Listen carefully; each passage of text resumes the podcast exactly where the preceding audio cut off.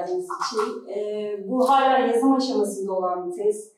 İdem böyle bir konuşma daveti için beni aradığında tereddütsüz kabul etti. Ee, böyle hatta çok da heyecanlandım.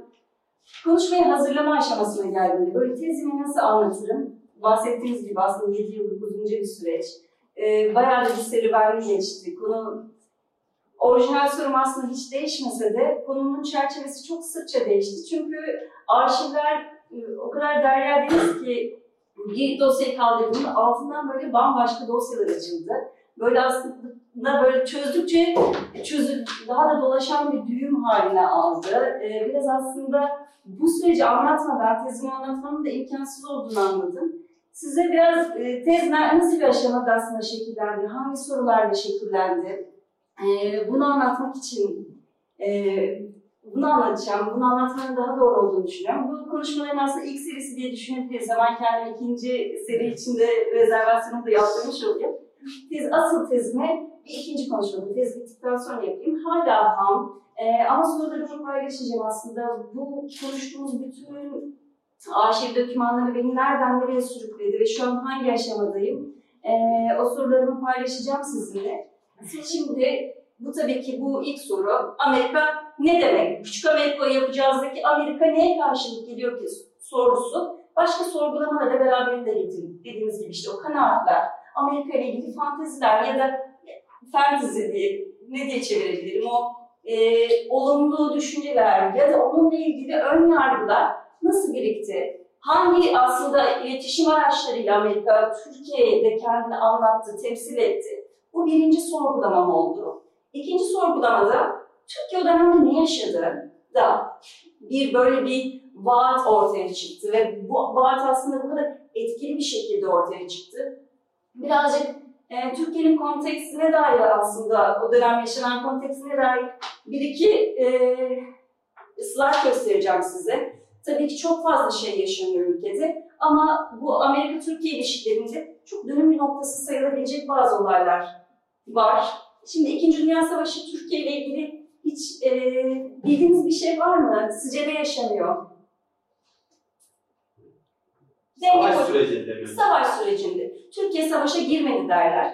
Sonuna doğru savaş açıyor. E, ciddi bir denge politikası izlenmiş o dönem. Bayağı diplomatik e, çeşitli araçlarla savaşı tahribat, o sıcak savaşın tahribatının Türkiye'de yaşanmaması için tüm yollar denenmiş. Ama sonlara doğru da artık kazananı belli olan bir savaş.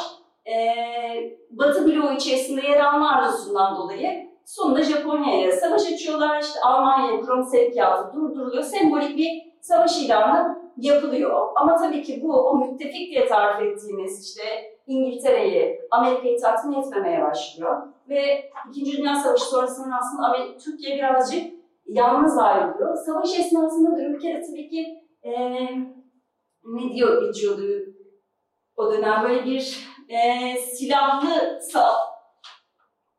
silahlı e, tarafsızlık politikası sürülüyor. Bu ne demek? Aslında bir orduyu besliyorsunuz ve o büyük bir ordu.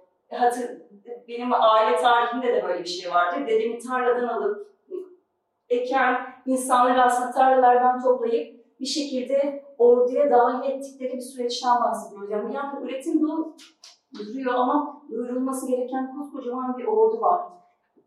Ekmek, şeker, karneye bağlanıyor. Varlık vergisiyle aslında ülkedeki o gayrimüslim, e, daha çok gayrimüslimlerin etkilendiği o ticareti, ekonomiyi canlı tutan kesim aslında birazcık ekonomiden de çekildi.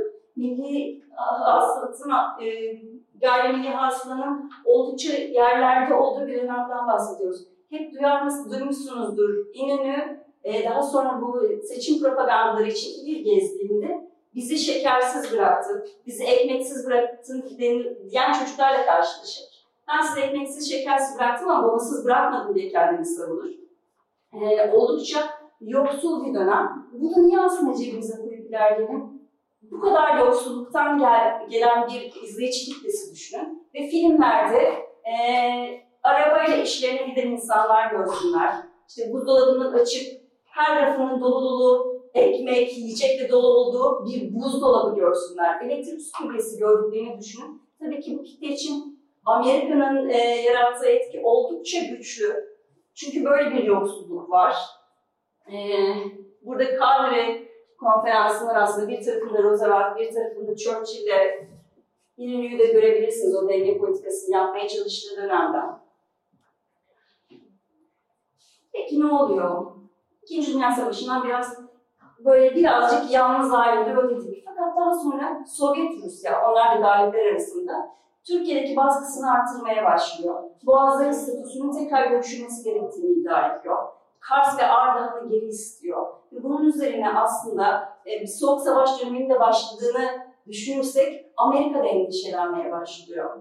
Amerika'da Türkiye gibi büyük ve aslında bakir bir pazarı kaybetmek istemiyor. Yani bunlar böyle e, Amerika, Rusya, o, bu gibi ülkeler bizim kara kaşımıza, kara gözümüze değil tabii ki büyük pazarlar olduğumuz için bu kadar da yatırımı e, buralara önemsiyorlar. Ve 1946 yılında Truman doktrini, Başkan Truman, e, Truman doktrinini e, Amerikan Kongresi'nde sunuyor. Bayağı tartışmalar yaşanıyor bununla ilgili. Çünkü Türkiye'nin böyle bir yardımı almaması gerektiğini düşünüyorlar.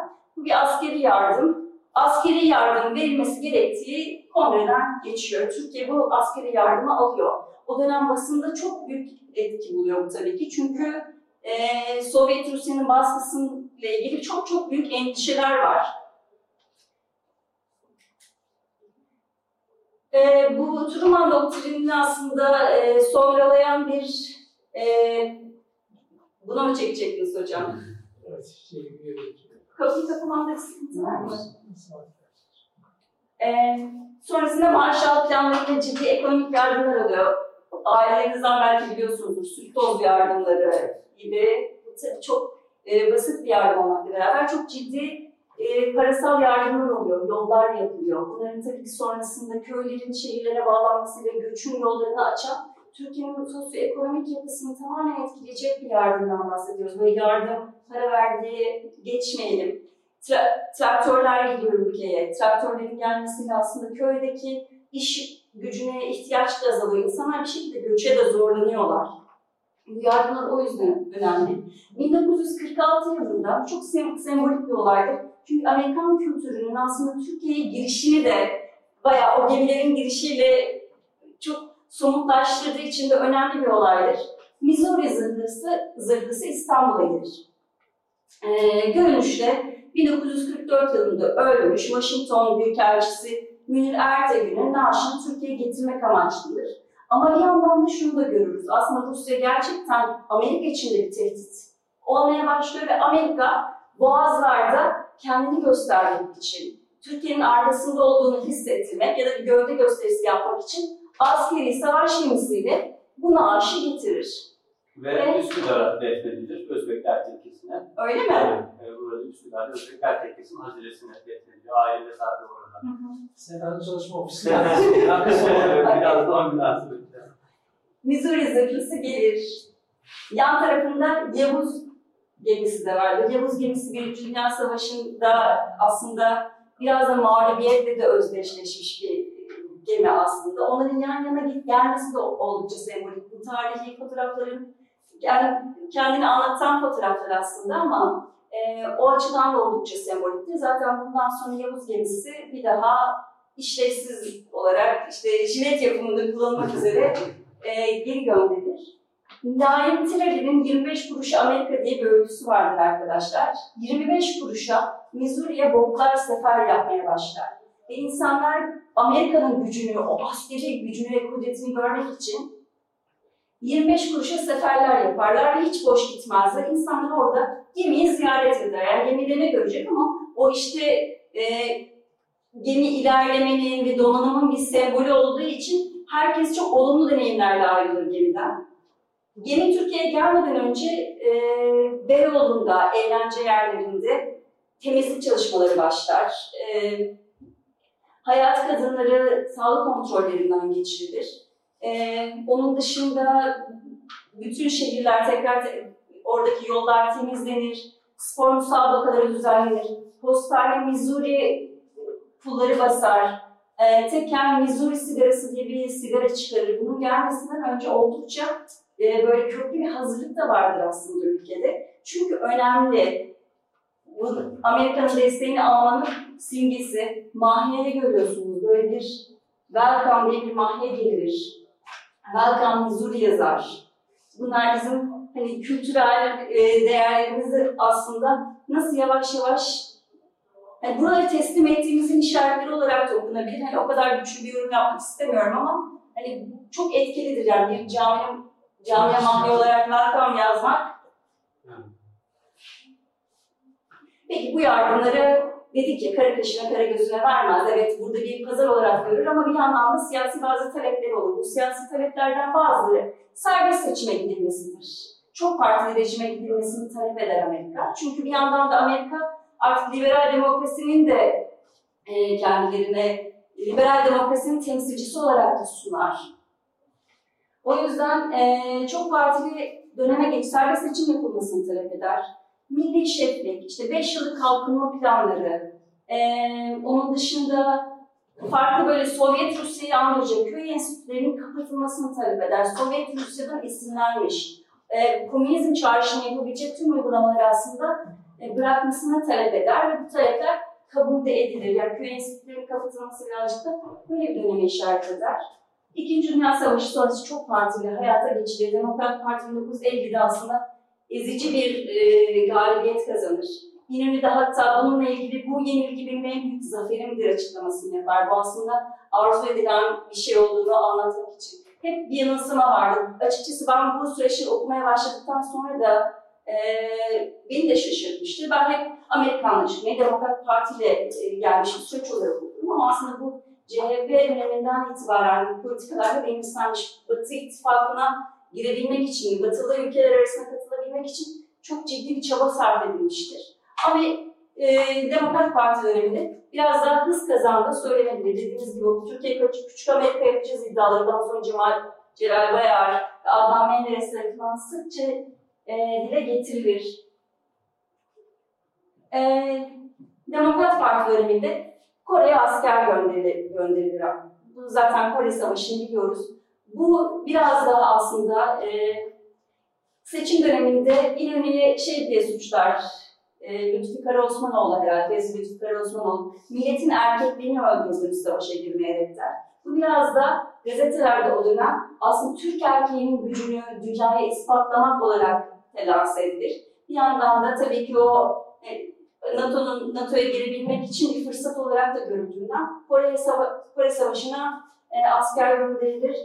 E, Birçok şehit ve gaziler olup tabii ki bu savaşta bu kadar Türk erkeğinin gücünü göstermenin dışında savaşın gerçekliğinde ciddi e, sıkıntıların da yaşandığını unutmayalım. Ve 1953'te de NATO'ya e, dahil olur ve bu çok kutlanır aslında. Alkara'da, İstanbul'daki sürü NATO restoranı açılır. Rus salatasının ismi Amerikan salatası olarak değiştirilir. Artık kendini güvende hissedebileceği, o çok endişeli olduğu dönemi e, birazcık aslında nefes, o dönemde biraz nefes almasını sağlayan önemli bir şeydir.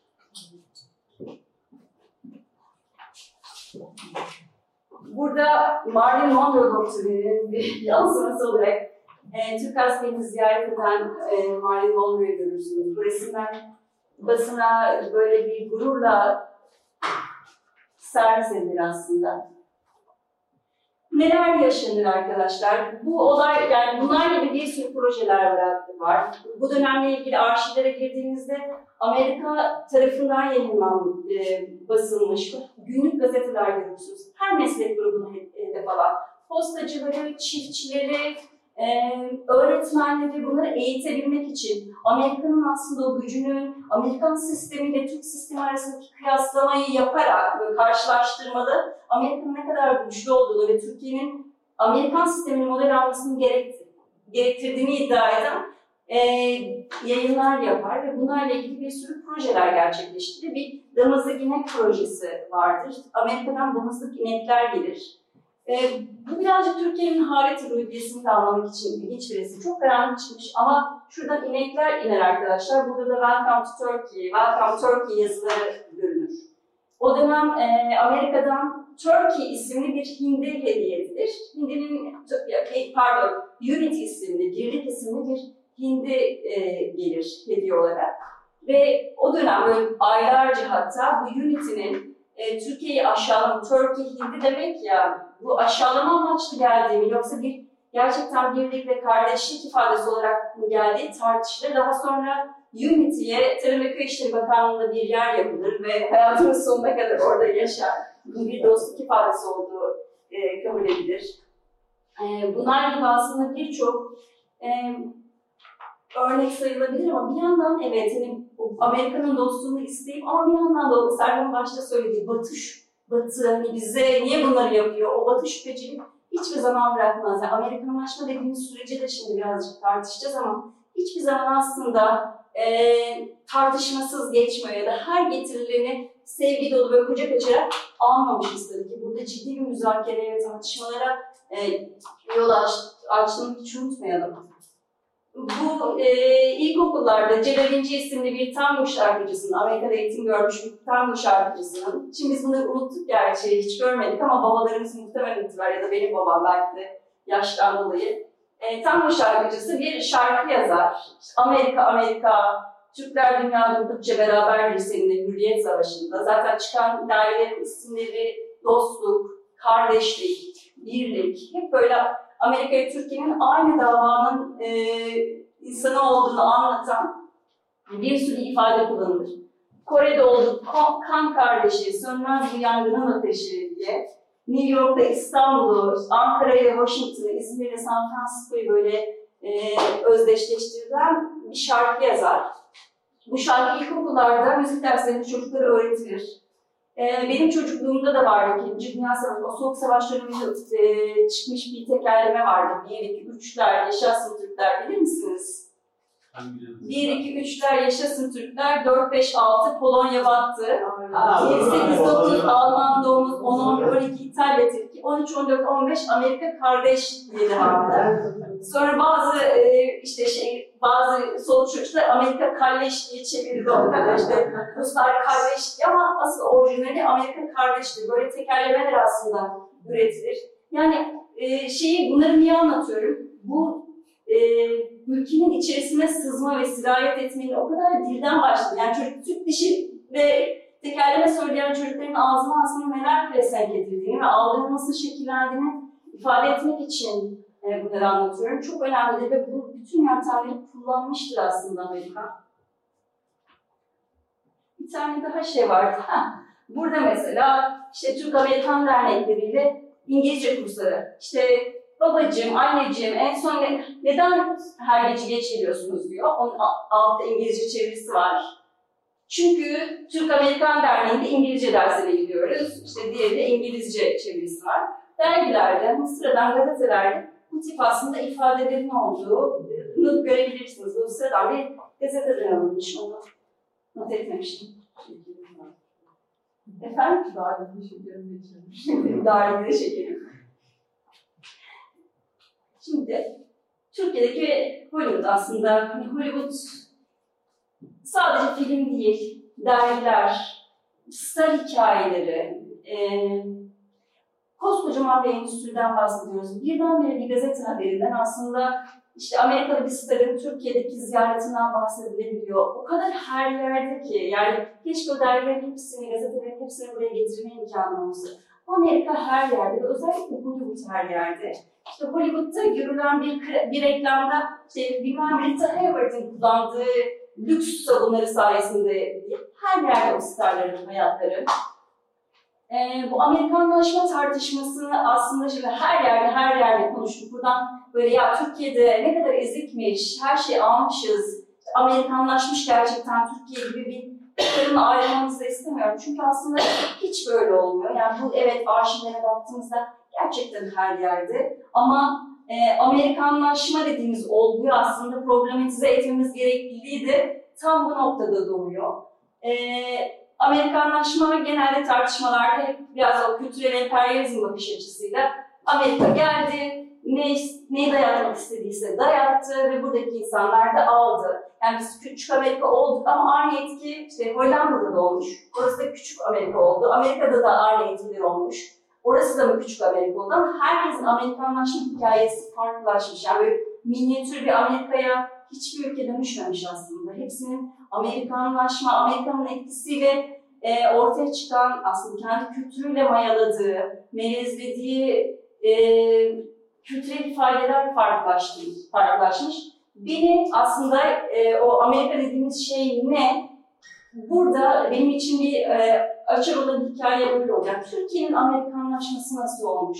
Buradaki insanlar için Türkiye ne demek? Burada Türkiye nasıl tartışılmış? Ve sonra diğer kültürel metinlerde nasıl ifadesini bulmuş? Türkiye'nin Amerikanlaşma hikayesi önemli. E, bunu tamamen bir melezleşme hikayesi olarak okuyorum. Çünkü e, Amerikanlaşma, Amerika dediğimiz şey de orada statik, e, tek göstergeli bir sistem değil aslında. Amerika'da kendi içerisinde çok tartışılan bir kavram. Bu e, Türkiye, Hollywood'daki Amerika diyoruz ama Hollywood'daki Amerika da aslında gerçek Amerika değil. Çünkü o dönem e, Amerika'da da ciddi bir kültürel dönüşüm var. Çok hızlıca ondan da bahsedeceğim ama Amerika aslında kendi ülkesini de Amerikanlaştırmış. Yani o değerleri kendi ülkesinde de pompalamış. O yüzden o Amerika'yı, Hollywood'da aslında temsil edilen Amerika'yı gerçek Amerika olarak okumamak lazım. Ama biraz da böyle görmüşüz. Fakat buradaki insanlar da bunu bir e, evet özdeşleşmişler ama bir yandan da yadırgamışlar ve reddetmişler. Bazılarını almış kendi hayatlarına uyarlamışlar. O yüzden buradaki melezleşme süreci de Amerikanlaşma hikayesinin içerisine dahil. Ee, bir not düşeceğim burada. Ee, İkinci Dünya Savaşı sırasında mesela böyle bir e, kadın figürü vardır, You Can diye hepimiz biliriz. Amerikan aslında İkinci Dünya Savaşı'nda e, askerler erkek nüfusunu şey gönderdiği için, deniz aşırı Avrupa'ya savaşmak üzere gönderdiği için fabrikalarda çalışacak, üretimi destekleyecek iş gücü olarak kadınlara muhtaç oluyor ve kadınları aslında fabrikaya çekmek için yaptığı bir propaganda resmidir o. Feminist e, hareketten de çok insanlar sever ama yani tam olarak Amerikan devletinin bir icadıdır o resim. Rosie de Riveter diye geçer. Fakat Amerika bu İkinci Dünya Savaşı bittikten sonra tabii ki askerler evlerine döner ve bir bakarlar ki iş yok çünkü artık fabrikalarda kadınlar çalışır. Ama kadınlar işlerini bırakmak istemezler erkekler geldi diye. Çünkü o, o maddi özgürleşmeyi, işte e, tadan kadınlar ayrılmak istemezler. Bu sefer karşı propaganda başlar. Kadın evlerine nasıl sokarız diye. Bu filmler aslında İkinci Dünya Savaşı sonrası yapılan Amerikan filmlerinde o aile tabloları çok Amerika'ya yansıtmaz o dönem yaşananları. Burada gösterilen, e, resmedilen Amerika'da muhteşem bir e, siyahilerle, Japonlarla muhteşem bir uyum vardır adeta. E, içeride yaşanan öyle olmaz. İkinci Dünya Savaşı'nda siyahilerden kan dahi alınmaz yaralı askerler, kan almazlar. Japonlar Amerika içerisindeki toplanma kamplarında tutulurlar. O yüzden aslında izlediğimiz Amerika veya okuduğumuz Amerika çok da resmedildiği gibi değildir. O nedenle bu Amerikanlaşma dediğimiz şeyi tartışırken bir resmedilen Amerika'yı problematize etmek lazım. Onun nasıl tartışıldığını da kendi içerisinde hiç unutmamak lazım. Ee, onun dışında Türkiye'de gösterildiği haliyle Hollywood, bir yandan Amerika ile ilgili muazzam ön yargıların biriktirdiği, biriktiği bir, bir metin de olur aynı zamanda. İşte gangsterler, çocuklar üzerinde negatif etki yaratıyor derler. Oradaki kadınların özgür hayatları, işte Marilyn Monroe'nun e, hayatı buradaki kadınlar üzerinde çok olumlu etki yaratmaz diye de tartışılır. E, o yüzden buradaki metinleri alırken veya Amerikanlaşma tartışırken aslında e, önem biraz böyle gaza basmak gerekiyor. Bunu nasıl yapabilirim diye aslında çok da e, sinema üzerinden de gitmeyi planlamıştım. Bunu nasıl yapabilirim? Ben bu kültürel dönüşümü, melezleşmeyi nasıl okurum dediğim zaman Hollywood filmlerinin Yeşilçam adaptasyonlarına bakmayı e, böyle bir acaba buralardan bir şey okuyabilir miyim diye. Hatta Hollywood filmlerinin Türkçe dublajlarını ki orada da çok büyük değişimlere uğruyor filmler. Dublajlanma aşamasında da bir sürü sansür aşamasından geçiyor. Ardından Yeşilçam adaptasyonlarına bakabildiğim bir üçlü metodoloji uygulayabilir miyim diye e, bir fikir doğdu. E, fakat bu dublajlı hallerini bulamadım. Çünkü o dönem halk evlerinde filmlerin birçoğu tutulmuş. İşte halk evlerden bu inek vardı, su içti, dağa kaçtı hikayesi gibi hikayeler çıktı. İşte yandı bazılarının özel koleksiyonunda. O filmlerin orijinalini hiçbir zaman bazıları Amerikan film şirketleri geri istemişler. Hiçbir zaman aslında dublajda, aradığım filmlerin dublajlı hallerini e, çok rastlayamadım. O yüzden böyle ikili karşılaştırma olarak kaldı. Ee, Türkiye'de Hollywood gösterimine oldukça önem veriyor bu arada Amerika. Ee, Hollywood'u bizim yurt dışındaki diplomatlarımız diye kodlar. Ve hatta Harvard Üniversitesi Ekonomi Bölümünde sanırım Eisenhower bir konuşma yapıyor. Ee, filmleri hiçbir zaman, filmler iyi reklamlardır diyor. Bir ürünün e, reklamını yapacaksanız bunu filmler üzerinden yapabilirsiniz. Filmlerin çok çok önemli olduğunu, hem diplomatik açıdan hem de ürün satmak açısından çok önemli olduğunu hep işaret etmiştir e, Amerika hükümeti Bu negatif temsilleri engellemek için e, sansür komisyonları kurulur. Orada da kurulur. Türkiye'de de vardır ama Amerika'da da vardır. Avrupa'ya veya Türkiye'ye gelecek filmler için özel sonlar çekilir. Ee, birazdan örneklendiririm. O yüzden bu işi bayağı ciddiye almış. Bu resim Eskişehir'in bir köyünde arabalı sinemanın önünde köy kızları diye geçer. Burada neler gösterilir? Newsreel'lar dedikleri böyle bir haber programları gösterir. Amerika'nın o ihtişamını anlatan. İşte nasıl ekim yapılmalı, ev temizliği nasıl olmalı, işte ev koordinasyonu nasıl olmalı, iyi postacılık nasıl olmalı gibi böyle mesleki eğitimlerin verildiği eğitim filmleri yayınlanır. Ya da konulu filmler yayınlanır. Bunun için e, Başbakanlık Arşivlerinde aslında şeye, e, Amerikan Konsolosluğu'nun halk evlerinde CHP yazdığı dilekçeler verdi. Projeksiyon cihazlarınızı kullanabilir miyiz? Halk evlerini kullanabilir miyiz diye böyle bir talepte bulunurlar. Sırf hiç normalde e, Eskişehir'in bir köyü, belki elektriğin bile olmadığı o dönemde bir köyde film gösterebilmenin, e, gösterebilmeye ne kadar önem verdiklerini e, gösterir aslında bu resimler. Dünyanın en konforsuz fakat en faydalı sineması. Bir köyde film seyredip, köylere film göstermişler. E, sırf aslında bu yani gerçekten etkiyi artırabilmek için hikaye birazcık e, aslında şöyle bir Akis dergisinde bulduğum bir makaleyle birazcık daha benim için cisimleştirdi, cisimleşti. Evet, hani Hollywood filmlerinin Yeşilçam adaptasyonlarının karşılaştırmasını yapacağım ama bu yine de kendi içerisinde oldukça geniş bir konu. Yani nasıl, ne üzerinden karşılaştıracağım? Oradaki ürünlerin karşılaştıracağım, Çin temsilini mi? Neyi karşılaştırabilirim diye böyle bir sorgulama içerisindeydim ki Akis dergisinde Şurada daha iyi bir göreceksiniz. Böyle bir makaleyle karşılaşana kadar. E, Akis dergisi İnönü'nün e, damadı Metin Toker tarafından yayınlanan böyle haftalık, pardon aylık bir dergi. Son sayfada genelde siyaset dergisi ama son sayfasında böyle sinema, tiyatro gibi haberleri ayırır. Ekim 1955'te kadınların aradığı tip diye bir öyle başlıklı bir yazıya rastladım İstanbul'da. İstanbul'da da var sağ olsunlar dergiyi oraya borçluyum. Ee, kadınların aradığı tip. Genelde bu beni şaşırttı çünkü o dönemki magazinlerde, işte dergilerde erkeklerin aradığı kadın tartışılır. İşte yine onlar da Hollywood starlar üzerinden iyi kadın, bu tip bir kadın olmalı. Şöhret iyi, hoş ama işte bilmem kimde kaç tane kaçıncı kocaya eksikti. Çünkü işte aile hayatına önem vermiyor gibi. Yani olumsuz örneklerle de aslında nasıl doğru kadın olması gerektiğini özetleyen birçok makaleyle dolu. Bu böyle kadınlar aradığı derken neymiş diye dikkatimi çekip baktım. Ee, bu e, yazarın aslında sinema çıkışlarında kadınların özellikle Amerikan filmlerinden sonra e, kadın izleyicilerinin izleyicilerin işte muhteşem erkek, erkek dediğim böyle olur, böyle olmalı nidalarıyla karşılaştığını ve bundan duyduğu rahatsızlığı ifade ediyor.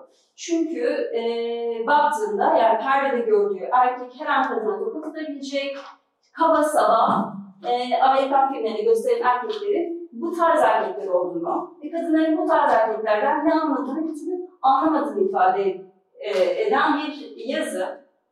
E, fakat enteresan bir şekilde yazı e, ters köşe yapıyor. Baştan böyle yayınlamıyor.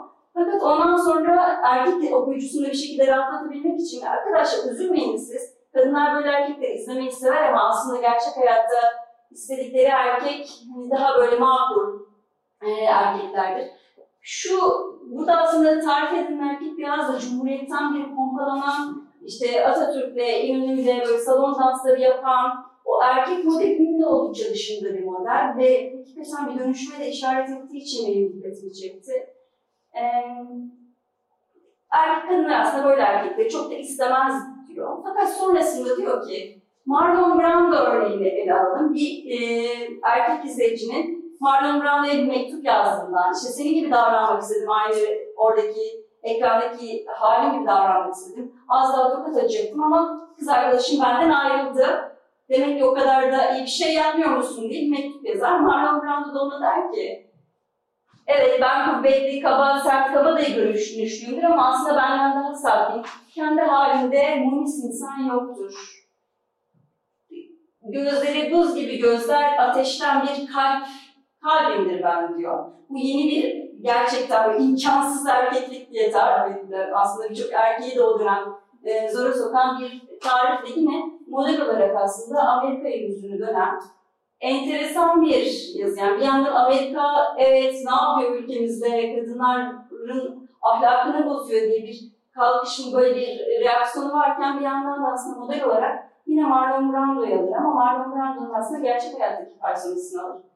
Bunun üzerinden biraz da e, filmleri aslında erkeklik üzerinden okumaya karar verdim. Ben e, buralarda, şimdi birkaç film göstereceğim size ama ben anlatımımı burada kesmek istiyorum. Çünkü işte olgunlaşmamış kısmı bu hikayenin. E, şuradan bakıyorum hikayeye. Avrupalaşma, Avrupalı erkek e, ne ifade ederken böyle bir bu erkeklik fikri nasıl değişiyor ve Amerika Türkiye'ye aslında nasıl bir erkeklik getiriyor? Biraz o değişen, Amerika'da da değişen aile yapısından dolayı biraz daha muhafazakar modernite orada da yükseliyor. Acaba Türkiye'nin aslında modernite ve o dinmeyen tansiyonunu çözen bir şey miydi Amerikanlaşma? Ama bunu birazcık işte yani temsil edilen aile hayatı ve e, erkeklik modelleri üzerinde okumaya çalışacağım, çalışıyorum. E, moderniteyle evet yani modern olabiliriz ama erkekliğimizden de çok bir şey kaybetmek zorunda değiliz ve bunu aslında gösteren metinlerdir bunlar. Ee, biraz moderniteyle barıştıran bir dönem olarak ama yine de kendi özüne e, uyarlayabilmesi üzerinden tarif edeceğim. Şunu söyleyelim, adaptasyon işi çok zor bir iş aslında. Bunu o dönemki senarist Bülent Koran, e, birçok senarist Ayşe Saşa hepsi söyler. Adaptasyon çok zordur ama Amerikan metinlerinde er, ya özellikle erkek figürünün adaptasyonu çok zor olmamış. Zoro çok rahat bir Efe kılığına girebilmiş mesela. Ya da Marlon Brando'nun One Eye Jack, tek gözlü Jack diye One Eye Jack, dağların oğlu da bir eşkıyaya rahatça dönüştürülebilmiş. Bu filmde Seven Magnificent son dönemde yenisi de çekildi. Aslında Meksika'daki bir ayaklanmaya karşı e, ayaklan böyle bir organize olan Amerikalı bir köyün Amerikalı çocuklarının filmidir. Türkiye'deki versiyonu Kıbrıs'ta çıkan ayaklanmaya oradaki işte ayak Kıbrıs'taki Kıbrıs olaylarına müdahale eden Adanalı gençlerin hikayesini anlatır. Çok kolay adapte edilmiştir. Yani bu kontekste de kolay uyarlanmıştır. Ee, bölüme yalnız gidilir bu da arkadaşım biraz Ezel diye bir dizi vardı. Onun hikayesi ne andırıyor? Bir intikam hikayesi. Beraber soygun yapıyorlar. Biri yakalanıyor, diğeri kaçıyor. Ama ortağız merak etme kim yakalanırsa e, o diye bütün bu ganimeti paylaşacak diyor. Fakat arkadaş hapisten çıktıktan sonra hiçbir şey paylaşmıyor. Onun intikamını anlatır. İki tane adaptasyon yapılmış. Bu arada belirteyim 1950'den 65'e kadar neredeyse 2600 3000'e yakın Amerikan filmi göstermiş. Bunların yine yakını Adaptür sineması tarafı Yeşilçam tarafından adapte edilmiş. Bazı filmlerin adaptasyonu tekrar çevriliyor. Bu bütün Güneşte bir yer, Elizabeth Taylor'ın bütün suçumuz sevmek. Biraz burada da şeyden bahsedelim. Hani erkek temsilinden şurada çok net yani biz o kaba kuvvetli olma işini fazlaca ciddiye almışız galiba. Kaba erkek çok kaba görünmüyor ama neredeyse dayak yemiş bir kadın. Ee, bütün suçumu sevmekte olan aslında maçovari erkek e, çok uymuş buraya. Gilda da yine tokat atan gayet tokat atan biri var.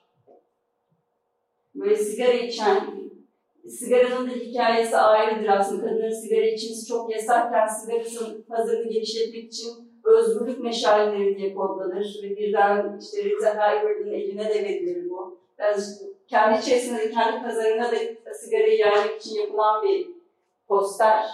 Türkiye'deki karşılığı. Bu film ilginç bir film arkadaşlar. Hızlıca olan bahsetmek istiyorum. Ee, burada aslında kız bu adamla evlenir ee, ama sonunda bir ajan olduğu ortaya çıkar ve o sayede esas olanla evlenebilir. Amerikan filmlerinde böyle sonlarda eğer aralarında bir birliktelik olmuşsa sonunda esas olanla evlenmesinde bir sıkıntı yoktur. Böyle bitişler vardır ama Türk filmlerinde genelde eğer bir birliktelik olduysa sevgisini açıklar ama kadın ölür. Hiçbir zaman birliktelik gerçekleşmez. Fakat e, Amerika demiştim ya az önce sonlar tekrar çeviriyor. Türkiye'de ya da Avrupa'da çevireceği sonlarda kadını öldürüyor. Yani iki, iki son çekiyor. E, bu film de yine öyle filmlerden biri ama Türk versiyonunda hiçbir şekilde aralarında birliktelik gelişmedi, gerçekleşmediği için esas olanla evlenmeye hak kazanır. Avrupa'da da şekilde. Avrupa'da da yani bazı ülkelerde öyle bir hassasiyet Almanya'da mesela çünkü aile birliğini tekrar kur- kurmak gerektiği için Almanya için özel sonlar çekiliyor. Hollanda için bilmiyorum çok orası araştırmadım. Ee, burada da yine böyle gayet e, eşit. Bu film şu açıdan da ilginç. Yani eşitken böyle burada yukarıdan bakan bir erkek var. Bu filmde şöyle bir problem var. Bu filmde erkekler kadın kılığına giriyor. Ee, Sade Alış'ın canlandırdığı e, şey, karakter, Sade Alış'ın kadın kılığında posterde resmedilebiliyorken esas olan asla bu şekilde kalmıyor. E, bunların analizlerini aslında yapıyorum ama inşallah ikinci kısmında daha da detaylı anlatacağım. E, filmler aynı zamanda, yani bu filmlerde mesela kötü karakterler Anadolu'da birdenbire zengin olmuş hacı karakterleri olarak resmedilebilmiş ya da gayrimüslimler olarak resmedilebilmiş. Yani Türkiye'de aslında sadece kadın erkek değil, böyle biraz nispeten feminen özel, özellikler, bu Horozun diye bir karakter vardı Vahiy Öz'ün. O Kayseri'de böyle işte namaz kılan, oruç tutan bir e, adam tarafından canlandırılır. Ama bittiği, filmin bitişinde bir erkek, erkek olmasını söylemesine rağmen onunla evlenmekte beis görmez. Çünkü daha az erkek olarak kodlanması gerekir. E, bu şey koordinasyonlar işte da e, Müslüm gayrimüslim, Anadolu şehirli şeylerinde de normatif erkeklik aslında e, müs, daha Müslim e, ama şehirli, yoktan var edebilmiş erkek olarak da biraz da dayatılıyor e, diyerek burada aslında çok da burada keseyim. Yani e, zaten anlaşılan sonunda kesmiştim. Ben şahsen bir, bir saat daha dinlerdim. Doğru söylemek gerekirse. Yani burada e, nezaketen ya da tarih olsun yedirmiyorum ilanların ifadesi. Hakikaten ben e, bu hikayenin farklı taraflarını, boyutlarını senden defalarca dinlememe rağmen yani çok anlamlı buldum. Çok teşekkür ediyorum. E, tabii ki dinleyici arkadaşlarımızdan da şimdi tepki alıyoruz. E, ben e, çok fazla toparlamayacağım. Çok e, değerli toplu bir sunum olduğu kanaatindeyim. Yani temel olarak yapılmaya çalışılan şey şu, bir Amerikanlaşma, Amerikan kültürü falan nasıl oluyor?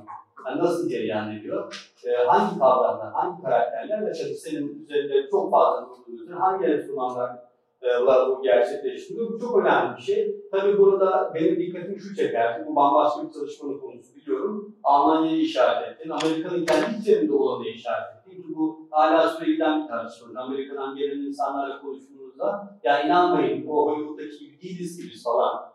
Biz Bedeneyin insanların laflarını hala duyarsınız Amerika'da. Eminim sen gittiğinde onu görmüşsündür.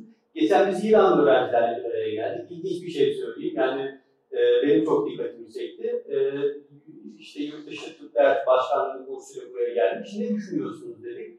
Dediler biz Türkiye'yi dizilerden bambaşka gördük falan. Buraya geldik bambaşka bir görüntüyle karşılaştık. O şık hayatlar, e, şaşalı görüntüler falan yok diye. Yani bu e, farklı katmanları olan bir şey. Mesela ben bunu Türkiye dışındaki Doğu toplumlarında ya da Müslüman toplumlarda nasıl olur desem Mısır, İran ama tabii tamamen başka bir muhtemelen çalışmanın konusu. Ben tekrar çok teşekkür ediyorum Özgür'e. E, dergi toparlamak, toparlamaktan ziyade moderatör olarak ya da sunucu olarak diyeyim, e, elimdeki imkanları istismar etme pahasına ilk soruyu ben sormak istiyorum mümkünse. E, şimdi bunu düşünürken şu geldi benim aklıma, biz Batı'yı ilk defa Amerika üzerinden tanışmadık. Yani bunun öncesinde bir Fransız etkisinden bahsedilir, bir Frankofonluktan bahsedilir. 19. yüzyıl boyunca e, sonra belki kısmi İngiliz etkisinden bahsedilir ama galiba daha fazla Fransız etkisinden. Elbette ki ellerindeki enstrümanlar aynı değil. İkinci Dünya Savaşı'ndan sonra devre işte sinema giriyor, görsellik çok fazla artıyor. Bu gidiş geliş mümkün kılacak uçak olgusu devreye giriyor. Bu çok çok önemli bir şey. Boeing firmasının ayrıca bugünlerde NTV'de de verilen mutlaka izlemenizi eğer fırsatınız olduysa önereceğim bir, bir belgeseli var. O dünyayı çok fazla değiştiriyor, dönüştürüyor. Ee, ancak e, burada temel sorun şu, bir izlenimim var benim şahsen. Bu Fransız etkisi, Fransız kültürel etkisi daha ziyade elitleri sanki alıyor gibi. Ee, belki evvelki enstrümanlarla da ilgili bir şey bu. Bu Amerikan etkisi bilinçli olarak mı daha kitleleri, geniş kitleleri hedef alıyor? Ee, bu birinci bir soru. İkinci e, soru olmayan küçük bir yorumla ekliklerime oturacağım. Bu sözü diğer arkadaşlarımıza vereceğim. Ee, ben bu tarz bir sosyal tarih olarak okuyorum. Doğru okuyor muyum? Evet. Bu tarz bir sosyal tarih anlatısını çok anlamlı buluyorum. Neden? Çok kısaca arz edeyim. Kendim de sosyal tarihçiyim. Ee, İran sosyal tarih çalıştım. 1960-1941 arası. Şu açıdan çok anlamlı buluyorum. Şimdi bizde özellikle bu postmodern e, söylemlerin, postmodern e, felsefenin, paradigmanın etkisiyle e, bir literal vurgu ortaya çıktı. E, bu da şu, e, yani devlete karşı bir sinik tavır, kuşkucu tavır, otoriteye karşı kuşkucu tavır ve otoritenin olmadığı hikayeler inşa etme merakı. Bu sonuçta şöyle bir problemlerin manzara ortaya çıkardı. Ortaya çıkardığı bütün olumlu havaya rağmen siyasi tarihten kopuk hikayeler anlatılmaya başlandı. Bağlamından kopuk. Bu tabii ki çok problemli bir şey. Biz tabii ki tarihin, siyasi tarihin vardı olmadığını biliyoruz. E, hatta sosyallerin tarihin çalışılmasını da istiyoruz ama mesela bu hikaye İkinci Dünya Savaşı'nın bağlamından ayrı düşünülemez. Ve çok iyi bağladım bence. Çok güzel oldu. Yani bana çok anlamlı geldi. Ve bir sosyal tarih paradigması uygulaması olarak da ben bu açıdan çok başarılı buldum. Diyorum ve sorunla ilgili var mıdır söyleyeceğim bir şey? O Fransız varsa şayet doğru bir kavramsallaştırması, kültürel hegemonyası ya da gelişmeyle Amerika'nınki arasındaki bir fark e, görürüz. Biraz elitlerde kalmış ama orada aslında böyle bir Fransız erkek modeli bu da Amerikan erkek modelinden biraz da farklıdır yani. Daha salon erkeğidir, birkaç şey konuşmayı bilir. Ee, ama buradaki erkeklik daha farklı bir erkeklik. Yani Fransız erkekliğinin Tanzimat romanındaki karşılığı Behlül'dür orada sevdasındaki karakter. Dejener olmaya müsait ve birazcık da feminize olmuş bir erkektir aslında. O yüzden e, Avrupalılaşmak o korkuyu da beraberinde getirir. Yani milletin erkekliğini öldürme korkusunu da beraberinde getirir. Ama Amerika'nın metinlerinden gelen erkeklik tam tersi. Erkekleri tekrar restore etme, e, erkekliğini kazanma, işte böyle olunur e, buna ya da buna zemin hazırlayabilecek bir modeldir. Enteresan, e, sadece şöyle bir şey söylemek istiyorum. Mesela Birinci Dünya Savaşı'ndaki kahraman asker anlatılarında hiçbir zaman kahraman hikayeleri anlatılmaz aslında. Yani o kahraman, askerlerin kahraman olmasının sebebi yokluğa, zorluklara göğüs germe becerileri, iman güçleridir. Ama burada aslında biraz daha bilek gücü, hafif havalaşabilme, işte o duruşu sergileyebilme gibi böyle bir kahramanlık anlatılarının da aslında transform olduğunu şahit oluyoruz İkinci Dünya Savaşı'ndan sonra. O Efelik, işte Tarkan, Tarzan, bu figürler tekrar tekrar ortaya çıkar ama 23'ten aslında 45'e kadar bu tarz bir e, kahraman anlatıları, kahraman anlatıları ne romanlarda ne de Muhsin Ertuğrul filmlerinde çok da karşımıza çıkmadı. O yüzden hani oradaki ama Fransız etkisi biraz elitlerle sınırlı kalmış ama bir yandan da halka inecek bir duygusal rezonansı da yaratamadığını düşünüyorum. Çok teşekkürler. Şimdi, evet, buyurun. Ben bir sorudan daha çok hani bir nedeni soracağım. Şimdi İkinci Dünya Savaşı'ndan sonra Amerika galip olarak hani ayrıldı, kazandı diyebiliriz hani kesin bir Şimdi tüm dünyadaki tüm ülkeleri Amerikanlaştırmaya çalıştı. Ee, şimdi Kore örneği üzerinden vereceğim. Kore'nin iki ayrıldı, kuzey ve güney. Mesela Kuzey Rusya daha çok hani Sovyetler geldi. Yönettiyse mesela Amerika geldi, orada küçük bir Amerika yapmaya çalıştı. Hani dediğimiz gibi 52 yıllarda savaştan sonra. Şimdi oraya baktığımızda şu anki duruma baktığımızda Türkiye ve Kore'yi karşılaştırdığımızda en kötüsü gayri safi milli hasıla arasında bizim iki katımız fark var. Kişi başına düşen milli gelir bizde 9 bin gibi bir şeyken onlarda 20 bin yakın bir şey.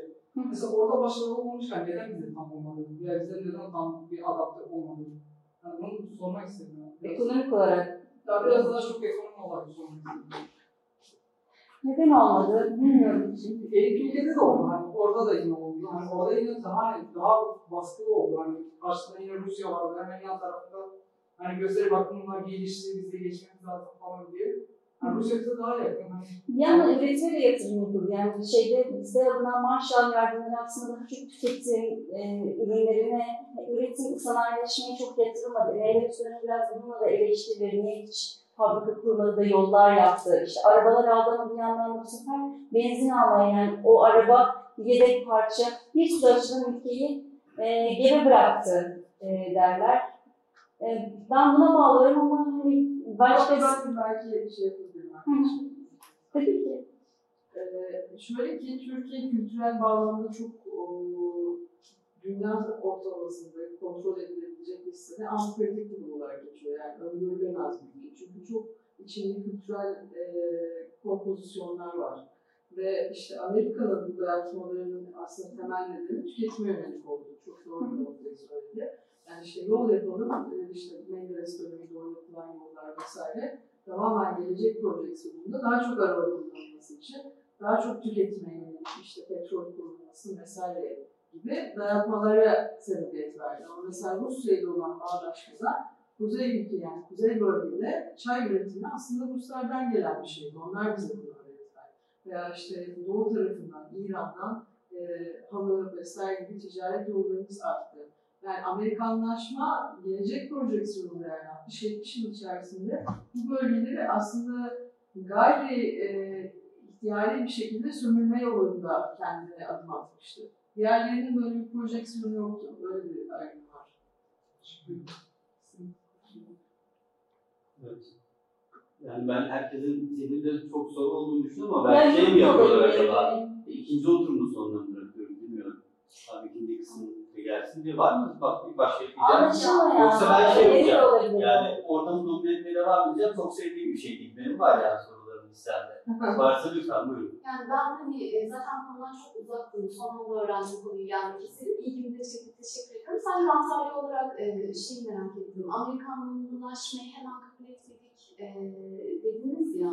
Bunun tepkileri nasıl oldu? Hani daha böyle somut olarak. Hemen kabul etmedik gibi değil. Sadece çok tartışılmış. Yani böyle Amerika'dan gelen her şey destursuz kabul edilmemiş. Yani bayağı e, içeride tartışıl, tartışılan bir şey. Ve kendi özgün metinlerini ortaya çıkarmış. Yani buradaki şeyler gibi.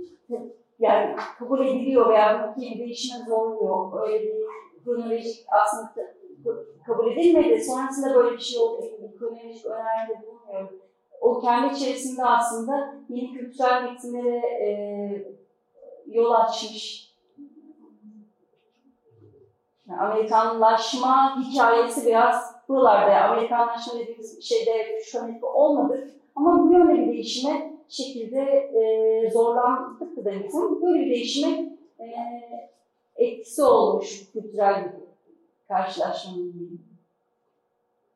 Bu adaptasyon filmler, e, şimdi mesela bir film göstermek için e, işte herhangi dilekçeler yazılıyor, gösterim için çabalar sarf ediliyor. E, bu Hollywood filmleri için. Bu adaptasyonlarda da mesela e, ticari olarak sadece Türk film şirketleri var şey mi yoksa burada da Amerikan şirketleri Şimdi dağıtımcı firmalar var. Bazı firmalar hem dağıtımcı hem yapımcı.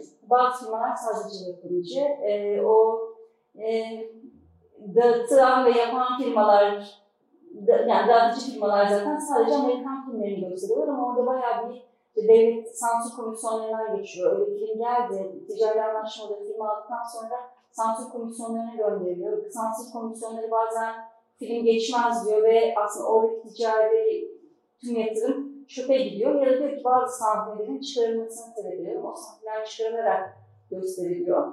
E, yapımcı firma işte film esinleniyor, bayağı da iş yaptığını görüyor, bir şey yaptığını görüyor. Biz bu filmin Türkçe versiyonunu yapalım diye. E, Türkçe versiyonunu yapıyor. O yapımcı dağıtımcı firmalar birebir diyalogları çevirerek, yani fıstık gibi maşallah dedi, sandalye kitapta birebir diyalogların zaten çevrimi görürsünüz, hiçbir şey değişmemiş. E, o firmalarda birebir e, adaptasyonlar yapılıyor. Yani adaptasyon hem birebir oluyor hem esinlenmeyle oluyor ama birçok genel Türk firması var. O yapımcı dağıtımcılar temsilcisi gibi aslında işte United Artists'in, MGM'in e, temsilcisi gibi olduğu için e, böyle bir yabancı firma çok yok yani onlar yapmıyor. Yeşilçam ve Türk firmaları. Evet, zaman ben biraz daha devam edeyim. Ee, beni e, açıkçası bu bağlamda e, özellikle düşünen bir nokta daha var. Kuşkulardan bahsettik. Hani eş zamanlı gidiyor bu. Bir taraftan Amerika bu kültürel etkisi, emperyalizmin herhalde fazla ve subjektif kavramıdır. Ee, böyle sel gibi gelirken hadi doğru bir taraftan da ne oluyoruz, neye tekabül ediyor gibi. İşte o mahyanın çok tartışıldığını biliyoruz, hala tartışılır. Yani Türkiye'de bir cami nasıl yazılmış? Yeni cami? Süleymaniye? Süleymaniye. Süleymaniye bayağı hala tartışıldığını anlamına geliyor. Sonra camilerin farklı amaçlar için farklı e, nasıl söyleyeyim bayraklar açmak, e, şeyler, pankartlar açmak için kullanıldı. Gerek sol gerek sağ tarafından biliyoruz. Yani camilerin de biraz da e, siyasallaşması, bu yönüyle siyasallaşmasının aslında şeylerinden bir tanesi bu. Önün noktalarından bir tanesi. Bu kuşkuculuk dediğimiz e, kitlenin ürettiği alternatif sanat var mı? E, buna tekabül olacak. Var mı böyle bir şey? Tiyatrosu var mı? Filmi var mı? E, Ee, ikinci bir soru. Bunu da sorup e, bu kısmı kapatayım. Diğer taraftan Amerika'da da Other Amerika falan gibi literatür ortaya çıkıyor. Yazıldı Other Amerika. Diğer Amerika. Mesela bundan Farsça'ya çok erken çevrildiğini biliyorum. Amerika'ya diğer falan diye bakımla ibaret değil. Sefalet diz boyu, işte dünyada en fazla sokakta yaşayan insan olduğu yer burası falan gibi çeviriler de yapılıyor. Kaç senesi? Yani Yani eminim ama İran'da çevrilmesi en fazla 60'lar. Orayı biliyorum. Ee, yani o kitabın orijinalinin yayınlanma tarihini olarak bilmiyorum. Bir taraftan da şey çıkıyor herhalde ortaya. Yani siz Amerika gördüğünüzden ibaret değil, bu şeyin e, nasıl söylerler, buzdağının arkasında başka bir görüntü var. Yani bu kuşkucular kendilerini nasıl ifade ediyorlar? Hangi kanallar üzerinden ifade Pek sinema ediyorlar? üzerinden çok zor çünkü film, ham film sıkıntısı yaşanıyor. Yani böyle bir ham film kavgaları da var yani çok fazla ham film olmadığı için e, buna zengin, yani ticari amaçla kullanabilecek aileler, yani film şirketleri bu ham filme sahip. Onun dışında hani tiyatro, parkın nasıl tepkiler ettiğini bilmiyorum ama ya- yani makal şeylerle, makalelerle, gazetelerle e, bayağı tartışıldığını biliyorum ama onların bir kültürel metin oluşturup oluşturmadığına hakim değilim fakat film yok. Film yok. Şey de yok bu arada yani kağıt da yok. Biz bu Akis dergisini gösterdik Menderes döneminde kağıt da olmadığı için dergilere dahi kısıtlı sayıda kağıt gönderiliyor. Bir süre verilmiyor. Akis'in bazı yazıları durduruluyor. E, yani bazı aylar hiç yayın yapamıyor. Yani o kadar bolluk bereket dönemi değil. Hakikaten ticari olarak bir karşılığı olabilecekse eğer bunları alabiliyorlar. O yüzden hani çok ciddi bir şey de olmadığını söylemeliyim yani bu muhalefet sadece muhalefet eder. Yani evet tartış bir dakika ne oluyor? İşte çok fazla gençlerimiz üzerine negatif etkileri var. Tartışmaları yapılırken bir yandan da bu akise aslında çok temsil bir durum. Tartışılırken bir yandan da model olarak hep Amerika sunuluyor. Yani Amerika'ya karşı böyle bir tam yani beraber mi Amerika, Amerika'dan yana mı atıyor, Amerika'ya karşı mı atıyor çok o tutumu çözemiyorsun. Çok karmaşık bir süreç var. Genelde bu tutum hakim. Ama böyle e, tek nefes Amerika karşıtı bir e, yaklaşım olmuştur tabii ki. O e, onlar ne öğretti hiç oralara bakmadım zaten. Ama şey ilginç yani şunu da söyleyeyim. Genelde adaptasyonlarda Yılmaz Güney'i görürsünüz. Walter Benjamin'in sanırım negative cooptation diye bir kavramı var. E, Amerika aslında Amerikanlaştırmak için bazı metinleri buraya getirmiş ama Yılmaz Güney gibi bir tamamen Amerikan karşıtlığını besleyecek bir söylemin figürünü de ortaya çıkarmış. Yani birçok film senaryosunda da bu gördüğümüz Yılmaz Güney'in eli değmiştir. Bu yani bir Ama dualite, siyaseti dualite yaşa, Evet. yaşanan bir şeydir yani. Bu illa karşı yani muhalefin muhakkak olması lazım ki fikir yaşasın. Ama oradaki sembollerle, işte kovboy sembolü birdenbire böyle bir anti-emperyal ve işte köyün altına karşı bir anti-feodal figüre e, dönüşebiliyor. Yani bu bu sürede, ya bunları tabii ki değilmiş ama enteresan bir tesadüf olmuş ya da enteresan bir bulgu benim için. Ben e, bir şey çekti. E, Amerikanlaşma süreci e, Yeşilçam'ın ilk adımı diyebilir miyiz? Diyemeyiz tabii ki. Çünkü onun öncesinde bir Muhsin Ertuğrul var. Daha çok Avrupa sineması etkilenen filmler yapıyor. Ve orada da böyle Şehvet, Cavide son film filmleri gördünüz bilmiyorum. Şehvet Kurbanları diye bir filmi vardı mesela. Orada da mazlum bir aile babası, memur, işte sefertisi ve işine gelir gider. Ama bir bankada işte, veznede çalışır, parasını dolandırırlar. İşte çünkü o kadına aşık olur falan filan. Hep böyle daha e, Avrupa'dan esinlenme hikayeler vardı ama o Yeşilçam'ın ya da Türk sinemasının tarihini Muhsin Ertuğrul'suz anlatmak mümkün değil. Yani evet Yeşilçam'da o çok popülerleştiği dönemde Amerika'nın çekim teknikleri, işte Amerika'dan gelen hikayeler süreci hızlandırmış. Yani film yapım sayısını, film yapım süreçleri çok hızlandırmış olsa da Yeşilçam'ın başlangıcı olarak bu Amerikanlaşma sürecini gösteremem. İsimlendirmenin bir alakası var mı? Evet. Yeşilçam Hollywood. Ya olabilir o. Hollywood'dan. Etkilenmişler yani. Bir Yeşilçam Sokağı, Hollywood. Yani orada star sistemi, e, belirli yönetmenlerin belirli starlarla çalışması gibi Amerika'dan yani sinema sektörünün işleyişiyle ilgili çok fazla tez alınmış ama hani Yeşilçam'ın e, Türk sinemasına ait tutamayacağım için ve Türk sinemasının başlangıcını Amerika ile işaretleyemem. Ama sinema medya olarak yani tabii ki hani çok e, Amerika menşeili aslında. Yani Amerika'da çok e, Amerika'nın geliştirdiği bir sistem. Yani o sinema sektörünün yaptığı katkı itibariyle biraz Amerikan bir sanat dalı aslında.